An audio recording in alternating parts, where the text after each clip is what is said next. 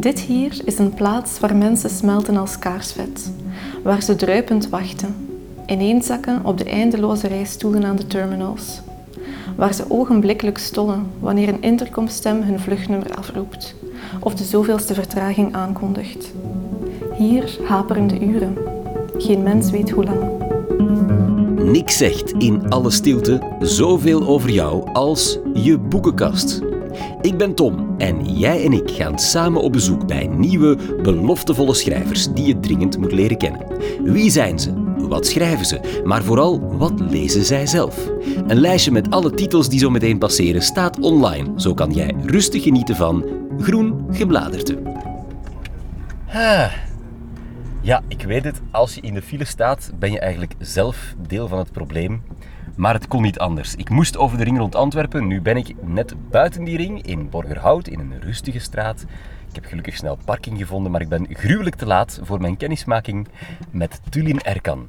Ja, en ik ben super benieuwd, want die Tulin die bestaat nu eens helemaal uit taal. Ze is in Oostende opgegroeid bij een Britse grootmoeder, een Frans-Nederlandstalige moeder en een Turkse vader. Ze heeft zelf Nederlands en Frans gestudeerd. Ze werkt in een bibliotheek, ze doet copywriting, ze doet redactiewerk, ze schrijft columns en sinds kort ook boeken. En haar debuut, Honingeter, wordt door iedereen bejubeld. Ook door mij, nu ik het gelezen heb. En dus wil ik heel graag kennis maken. ik heb het gehaald. Sorry, sorry, sorry. Amai. Mijn boeken staan vrij centraal in de, in de leefruimte. Dicht bij de zetel, dicht bij de eettafel. Um, dus ik heb ook niet zo'n heel grote boekenkast. Mijn, mijn, lievelingsboeken bevinden zich vaak bij vrienden. Dat is een goed teken, ja, ja natuurlijk. Ja. Dat zijn alle Nederlandstalige boeken. Hier zijn alle anderstalige boeken, vooral Engelse. En dat zijn graphic novels. En mijn Franse boeken die zitten daar in een hoekje. De taalgrens wordt hier heel strikt, heel strikt nageleefd. Het boek dat je al het langste hebt? Ik denk eigenlijk, waar staat die? Dat dat Peter Verhelst is. Dat is wel in het fruit. Dat zegt, je ziet dat ook, dat is zo'n editie dat je vroeger mocht, moest je zo in het middelbaar altijd zo zes, ja, een selectie boek, boeken, de boektoppers. de boektoppers kopen. Voilà. En uh, dat was er eentje van en die heb ik toen heel graag gelezen. Ik herinner mij dat wel nog. Dat, is, dat is mij echt bijgebleven, ook het feit dat hij die klassieke mythologie, dat hij dat sprookjesachtige, dat daar allemaal in verweven zit. Um, dat dat ook een heel erotisch verhaal is. ik was veertien, dus ja. um, ik vond dat wel interessant. Je moest het ergens leren. ja. ja. Um, en het was een boek dat ik nog nooit... Ik had nog nooit zo'n zo'n boek gelezen. Vintage Peter Verhelst. Sprookjes ja. zijn als sterren, ze schitteren door hun vorm. Duizenden sprookjes zijn ooit verloren gegaan, maar gelukkig was er in iedere stad wel iemand om de overgebleven sprookjes oogverblindend te laten flonkeren. Ja. De taal is heel belangrijk, de sfeer is heel belangrijk. En um, ik herken dat nu ook bij mezelf, dat ik vooral iemand ben die ja, niet zo per se van plotgebonden um, verhalen hou, of verhalen die zo'n heel die zo'n spanningsboog hebben, maar dat ik vooral van sfeer hou. Ja. En van beelden. Wie nog? Wie kan dat nog heel goed? Wie heeft jou nog sterk beïnvloed? Ja, Marquez heb ik ook wel heel vaak... Het zit eigenlijk voor op de verkeerde schap. Gabriel Garcia Marquez heb ik ook heel graag gelezen als, als tiener. 100 jaar eenzaamheid uh, en liefde in tijden van cholera. Ja. Marquez maakt uh, van heel alledaagse dingen iets heel magisch. Uh, ik denk dat ik heel graag dingen lees die bevreemden. Die mij een andere blik op, op de werkelijkheid geven. Um, en ik vind dat Marquez daarin uh, uitblinkt. Ja, Jeroen Brouwers heeft ook wel heel veel betekend. Voor mij, vooral toen ik studeerde, was ik een beetje een, een Jeroen Brouwers uh, fanaat. Ja? Um, vooral Bezonken Rood. Het gaat over alle horror die gebeurd is in, uh, in de kampen op, in Indonesië. Intergenerationele trauma eigenlijk. Ja. Het gaat over de pijn van zijn moeder.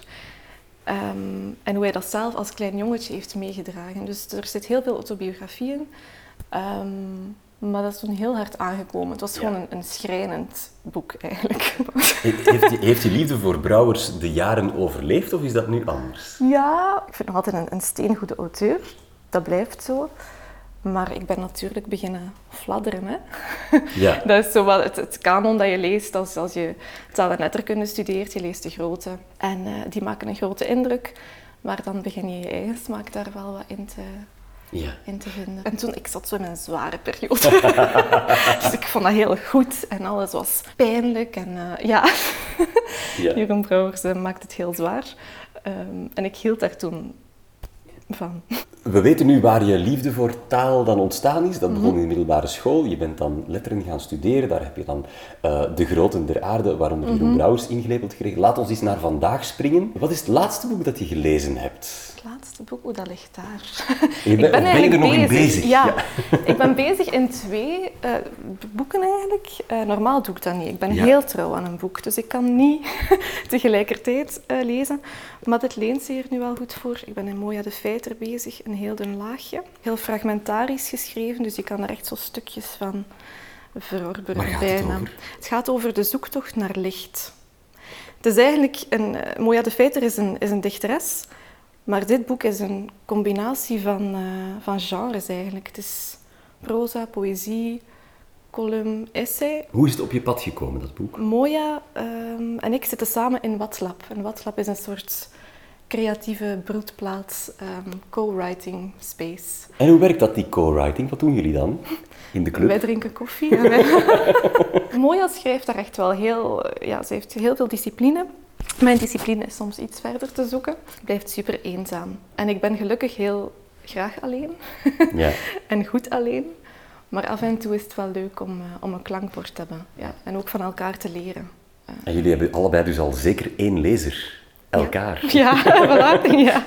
En, en je was in een tweede boek bezig ook, Ja, ik ben ook ik ga beginnen aan Mitsukoshi Troost Baby Company.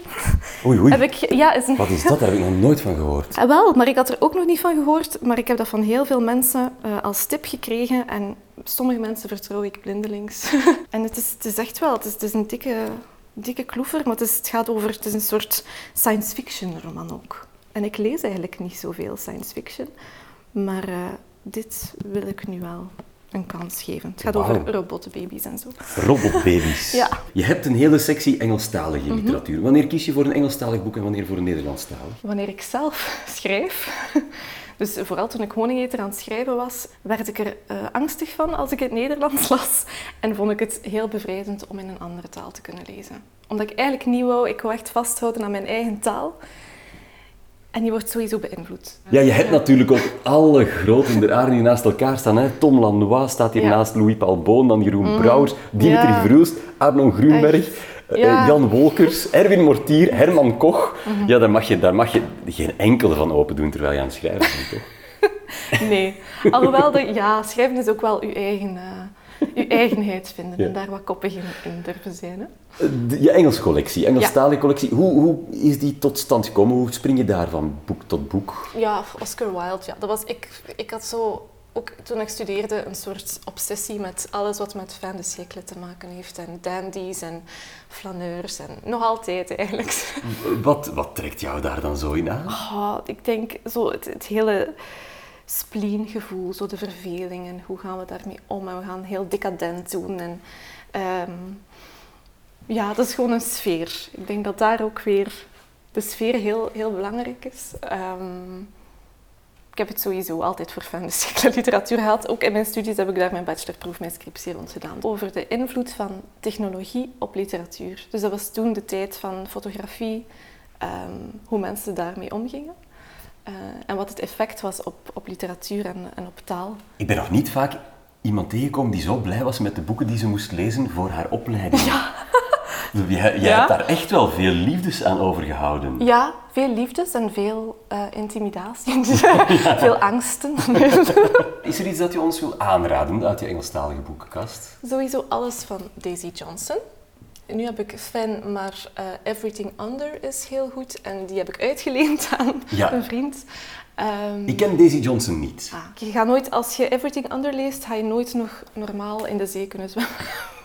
of ik toch niet. Waarom niet? Uh, het Wat gaat over een soort zee, zee die, een zeemonster. Of allee, een, eigenlijk een kanaalmonster. Maar ze kan dat heel goed. ja, er zit iets heel eerie aan. Is dat dan magisch realisme? Ah ja, ja. Uh, maar misschien zie ik gewoon overal magisch realisme in, omdat ik het zo graag wil zien. En dan uh. heb ik een, een, recentere, is Avni Doshi. Die heb ik gewoon puur gekocht op cover, omdat ik het zo mooi vond. Mooi lila, zo bijna een Milka Wikkel ja, kleur. Met dan mooie um, uh, blinkende groene en witte letters op de ja. zijkant. Burnt Sugar. Ja. Wat staat erin? Ja, dat gaat eigenlijk... het is een Indisch-Amerikaanse schrijfster. En het gaat over een totaal verknipte moeder-dochterrelatie. over een soort secte in India. Of, ja, heel, uh, heel sterk. Ook weer, daarin zie ik wel een beetje de gelijkenis met, met Ocean Vuong. Um, er zit heel veel... Uh, er zitten vreselijke dingen in die heel vol liefde verteld kunnen worden. Uh, en dat is vaak heb je dat wel met ja. moeder, dochter of zoon, vader relaties. Wat lees jij bij wijze van guilty pleasure? Waar kan jij echt van genieten? Guilty pleasure. Ik denk dat we dan misschien, als we guilty pleasure, dat ik dan misschien meer poëzie lees, omdat dat zo kort is. Um, dat is vlak voor het slapen gaan of zo. Dat is iets waar ik niet te diep in moet duiken. Ik denk dat, dat, ik dat dan wel aangenaam vind. En waar is de sexy poëzie? Dat, dat zit allemaal door elkaar. Ah, dat hoor. zit erin verstopt. Ja, hier heb je Leonard Nolens, de liefdesgedichten. Ja, Charlotte van den Broek. Ik werk in een biepop. Dat is misschien ook wel belangrijk om te zeggen. Dus ik zit aan de bron. Dus ik koop niet aan mijn boek. Maar wat, wat vind jij graag terug in een gedicht? Moet dat herkenning, bevreemding zijn? Moet het gewoon mooie taal zijn? Bevreemding is sowieso iets waar ik altijd naar op zoek ga. Eigenlijk niet zozeer herkenning um, en iets van, van muzikaliteit of zo. Waar we het nog niet over gehad hebben, zijn de, jouw Franstalige boeken die in, in het strafboekje staan. Kun je ja. daar eens naar gaan ja, kijken? zeker. Waarom zijn die eigenlijk verbannen naar de andere kant van de woonkamer? Ik weet niet, ik vond die extra speciaal. Het zijn er twaalf, denk ik. Ja, niet, Zoiets. niet veel meer. En ook weer de Ja. classics, ja, dat vind ik ook Je hebt er. Baudelaire uitgehaald, Les Fleurs du Mal. Ja, dat is ook weer zo, dat dandyisme, dat spleengevoel, heerlijk. ook het heel, ha- heel harde uh, flaneur gegeven, dat is iets dat ik heel graag doe, is mensen observeren, gewoon kijken hoe het leven voorbij... uh, Wat staat er in schiet Fleurs du. Mal, weet je dat nog? Heel veel over de dood. En over de dood en over eh, de waanzin, zo'n beetje. En het is, het, is, het is wel heel... Het is een beetje melodramatisch, hè. Ja. Zeker Les Fleurs du Mal is wel nog is leesbaar, maar je moet, er, je moet wel in de juiste stemming zijn. Goed, maar dus eh, jij hebt daar geen grote liefde voor de moderne Franstalige literatuur aan overgehouden, bijvoorbeeld? Hoe komt dat? Ehm, ha, ik ben er gewoon niet zo in thuis, denk ik. Ehm, er is gewoon ook zoveel. Misschien nog ooit. Laten we Ja, even ja. teruggaan naar de grote boekenkast. Is er eentje die je, waarvan, je, waarvan je zegt van ja, dat vind ik nu spijtig dat hij daar nog niks over gevraagd heeft? Sowieso. Nee, nee ik vind dat is zo'n beetje een schaamboek wel in mijn eh, Infinite Jest. Je moet je erin vastbijten en niet opgeven. En ik ben er al drie keer in begonnen en ik, ben, ik strand altijd aan pagina 150 of zo, wat, wat heel tragisch echt- is. is- mag ik hem eruit Ja, halen? ja. Het is een soort Larousse op zijn eigen. Dat is een, een geniale eh, schrijver die, die manisch David was Foster ook. Wallace. En dan merk je eraan dat hij manische, manische periode zat, want het is ook manisch geschreven. Ehm, ik kan zelfs niet zeggen over wat het gaat eigenlijk. Want dat is wel, als je hierin bijt, dan ben je echt een jaar Ja, zoet. Je moet ook bijna krankzinnig zijn om zoiets te schrijven. Ja, maar dat was ook. De graphic novels die zijn De ook van novels? Ja, ja, Ja. want die hebben we wel samen wat gelezen. Vooral Blankets, dat is echt zo'n eh, een heel een mooie herinnering. Waarom? Eh, Craig Thompson. Craig Thompson. Blankets. Blankets. Dat is Blankets. wel een behoorlijk stevige graphic novel, ja. Ja. En ik denk dat ik, die vooral, dat ik daar mooie herinneringen aan heb, omdat mijn vriend en ik die samen hebben gelezen, naast elkaar. Want dat gaat natuurlijk wel. Met een beeldroman kan je gewoon samen kijken. Dat is echt dat mijn vriend en ik zijn al heel lang samen. Ja. Dus eh, ik weet niet meer van wanneer dit boek is. Maar het is een, een liefdesverhaal en het speelt zich af in, eh, in Amerika. Ehm, het sneeuwt. Voilà. Het is, heel, het is erg zwart-wit, heldere Ja. lijnen getekend. Ja. Ehm, het, is, het ziet er heel erg toegankelijk uit. Ja, Het ziet er een, dat is het het ziet er ook een heel wel. vriendelijke gra- Ja. graphic novel uit. Ja. Ja. En heel veel bedscènes. Heel veel bedscènes, inderdaad. Straks meer over het prachtige huiswerkboek dat ik van Tulin moest lezen. Maar eerst haar eigen debuut, Honingeter. Een indringende, magisch-realistische roman met hoofdpersonages die in de transitzone van een luchthaven gevangen zitten. Maar niet helemaal tegen hun wil. Een vrouw die steeds opnieuw haar vlucht mist. Een veiligheidsagent die nooit meer naar huis gaat. Een piloot die zijn taal langzaam kwijtraakt. Een uitgerangeerde drugshond. Ze verschuilen zich allemaal in een zeebel van tijd en ruimte. Van folklore en mythologie. Herinnering, feit en fictie vloeien door elkaar. Honingeter gaat eigenlijk in essentie om over taal. Het gaat over de moeilijkheden om te communiceren en over manieren vinden om dat wel te doen. om te communiceren en om afscheid te nemen. En het gaat over mensen die niet op hun plaats zijn. Een luchthaven, die van Istanbul. Ja. Die zo gedetailleerd beschreven wordt dat ik jou ervan verdenk dat jij daar minstens één nacht hebt doorgebracht. Sowieso als kind uh, heb ik heel vaak in luchthavens uh, gespendeerd. Ik ben geboren in België, maar mijn vader woont in Turkije. Dus wij gingen heel vaak uh, op en af. En mijn moeder is ook fervent reiziger, dus wij hebben heel veel tijd gespendeerd in luchthavens. En eigenlijk lijken luchthavens allemaal wel een beetje op elkaar. Dus dat Ja. was eigenlijk vooral uit herinnering geschreven. Ik heb ene keer in Parijs, heb ik echt, toen ik aan het schrijven was aan het boek, eh, geobserveerd. Dat is ondertussen ook al zes, zeven jaar geleden. En dan is er wel één scène in het boek beland. Een, een monnik die zo de, de bagagescanner deed en hij moest al zijn... Amuletten, Amuletten afleggen. Ja. En dat zit in het boek, want hij, Ja. hij gaat door de scanner en dan moet hij zijn heilige amulet. Ja, en dat was zo mooi om te zien. hoe Met hoeveel liefde dat hij dat zo terug ja, herenigd was met zijn amulet. En zo'n beelden blijven echt plakken. En ik weet, toen in Parijs zijn we ook alle gebedskamers. Dat is nu iets dat ik altijd doe als ik in een luchthaven ben. Ik ga op zoek naar de gebedskamers. Want daar is het stil en daar is er niemand. Dus als je alleen wil zijn... Het zijn drie, eh, elk op hun eigen manier, compleet verloren personages. Waarom? Sibyl is eigenlijk verloren. Het hoofdpersonage is verloren omdat ze moeite heeft met afscheid nemen.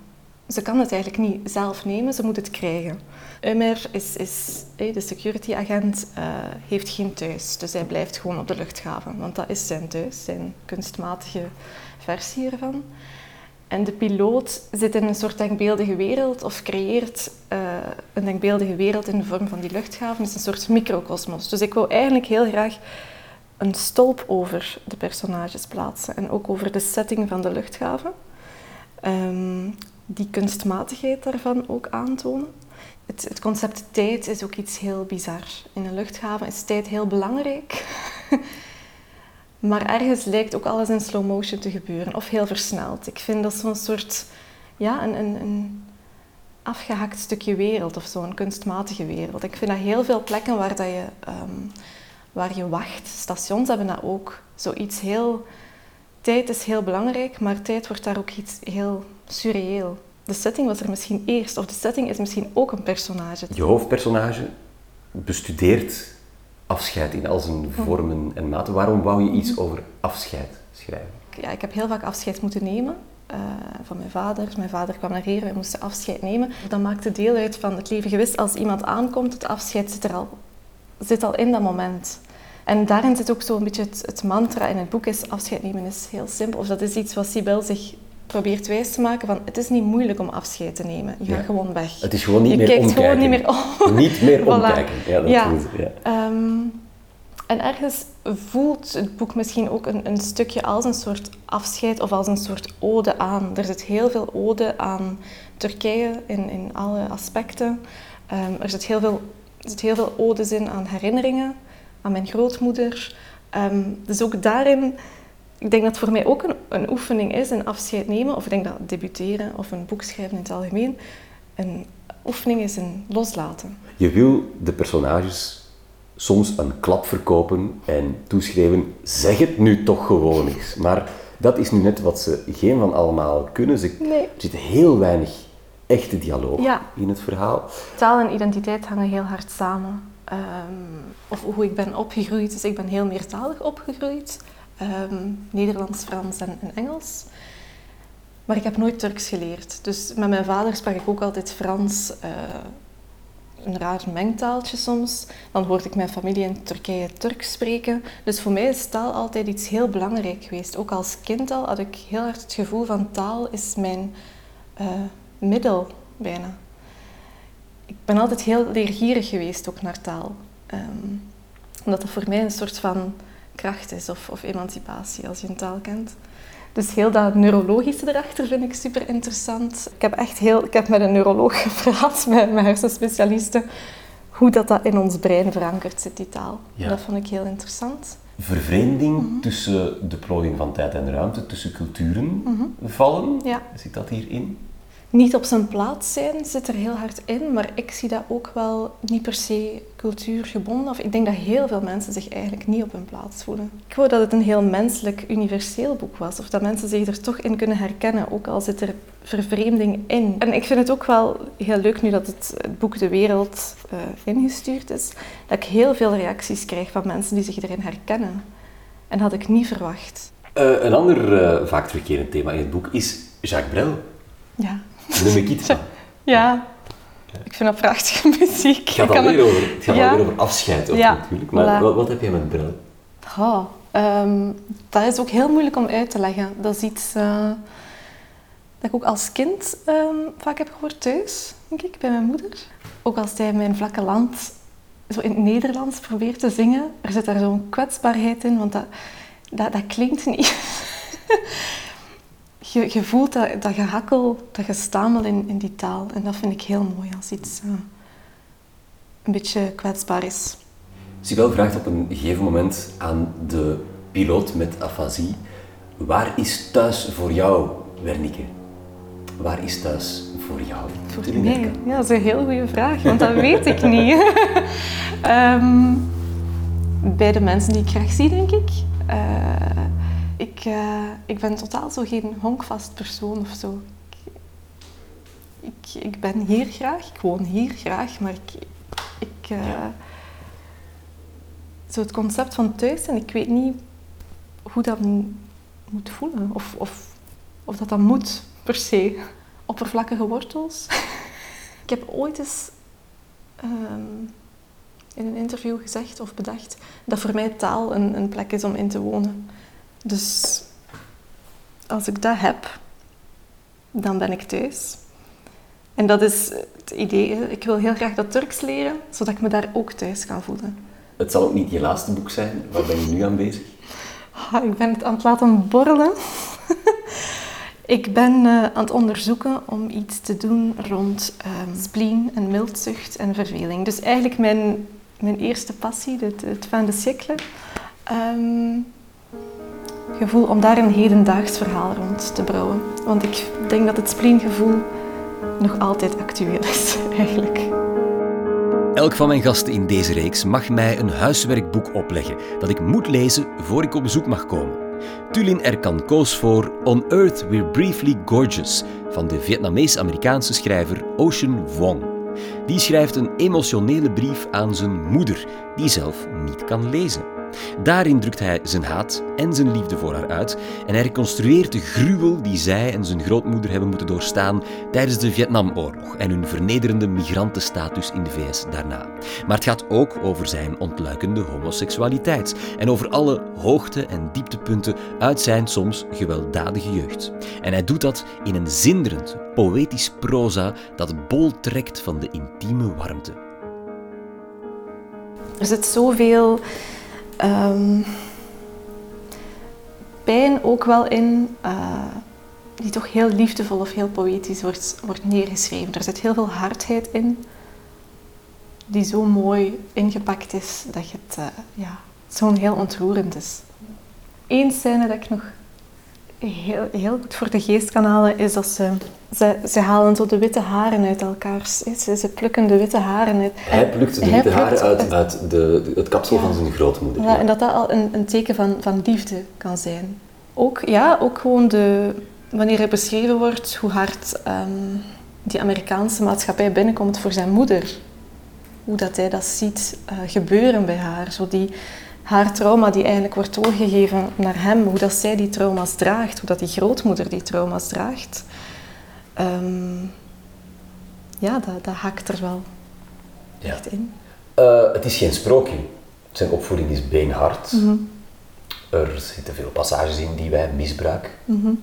zouden ja. noemen, of mishandeling. Ik denk dat hij ergens de emancipatie van, van zijn moeder daarin heel hard... Hij probeert daar echt um, de kracht te geven. Ik denk dat zij vaak ook de rol waarin ze geduwd wordt als Aziatische vrouw in, in de VS. Ik denk dat zij ook in een nailstudio werkt. Zo, zo die, die hele problematiek zit er ook wel heel hard in. Dus ik denk dat hij heel hard een stem wil geven aan zijn moeder. Ehm, Ja. En dat is zo mooi. Iemand die, zijn- die haar stem eigenlijk volledig ontnomen is. Om die toch te, te proberen geven. Ondanks, ondanks het feit dat ze, dat ze beenhard voor hem geweest Ja, is in maar zijn toch- jeugd. Ja. Daarin zit ook, dat vond ik net het mooie, of de tegenstelling van dat beenhard en toch die liefde die er toch in zit. En dat is wat lezen denk ik ook doet, zeker als het buiten je eigen referentiekader is. Je krijgt ook wel begrip. Hij speelt op een prachtige manier met taal en met vorm. Is dat ook wat jou heeft. Ja, eh, zeker. aangesproken? Zeker. Eh, de beelden. Allee, ik vind dat je ook echt wel leest dat een dichter is. Hij is gedebuteerd met een dichtbundel. ehm, die, ja, is gewoon prachtig geschreven. Allee, ik vind daar niet... De hardste dingen kan hij zo mooi, mooi verwoorden. Zonder melig te worden. En dat vind ik belangrijk. Als je dat kunt, dan ben je een goede schrijver. Ja. Your hands are hideous and I hate everything that made them that way. I hate how they are the wreck and the reckoning of a dream. Ja. Ja. and the reckoning of a dream. Voilà, dus ja. echt spelen met taal, hè. dat is dat. Wist jij dat Tiger Woods, de grote golfer, een product is van de Vietnamoorlog? Ah, wel nee, dat is wel super interessant. Hij wellicht verwekt is op de ambassade. Ja, dat was Of inderdaad. in de buurt van de ambassade van de Verenigde Staten in Saigon. Ja, Ja. nee.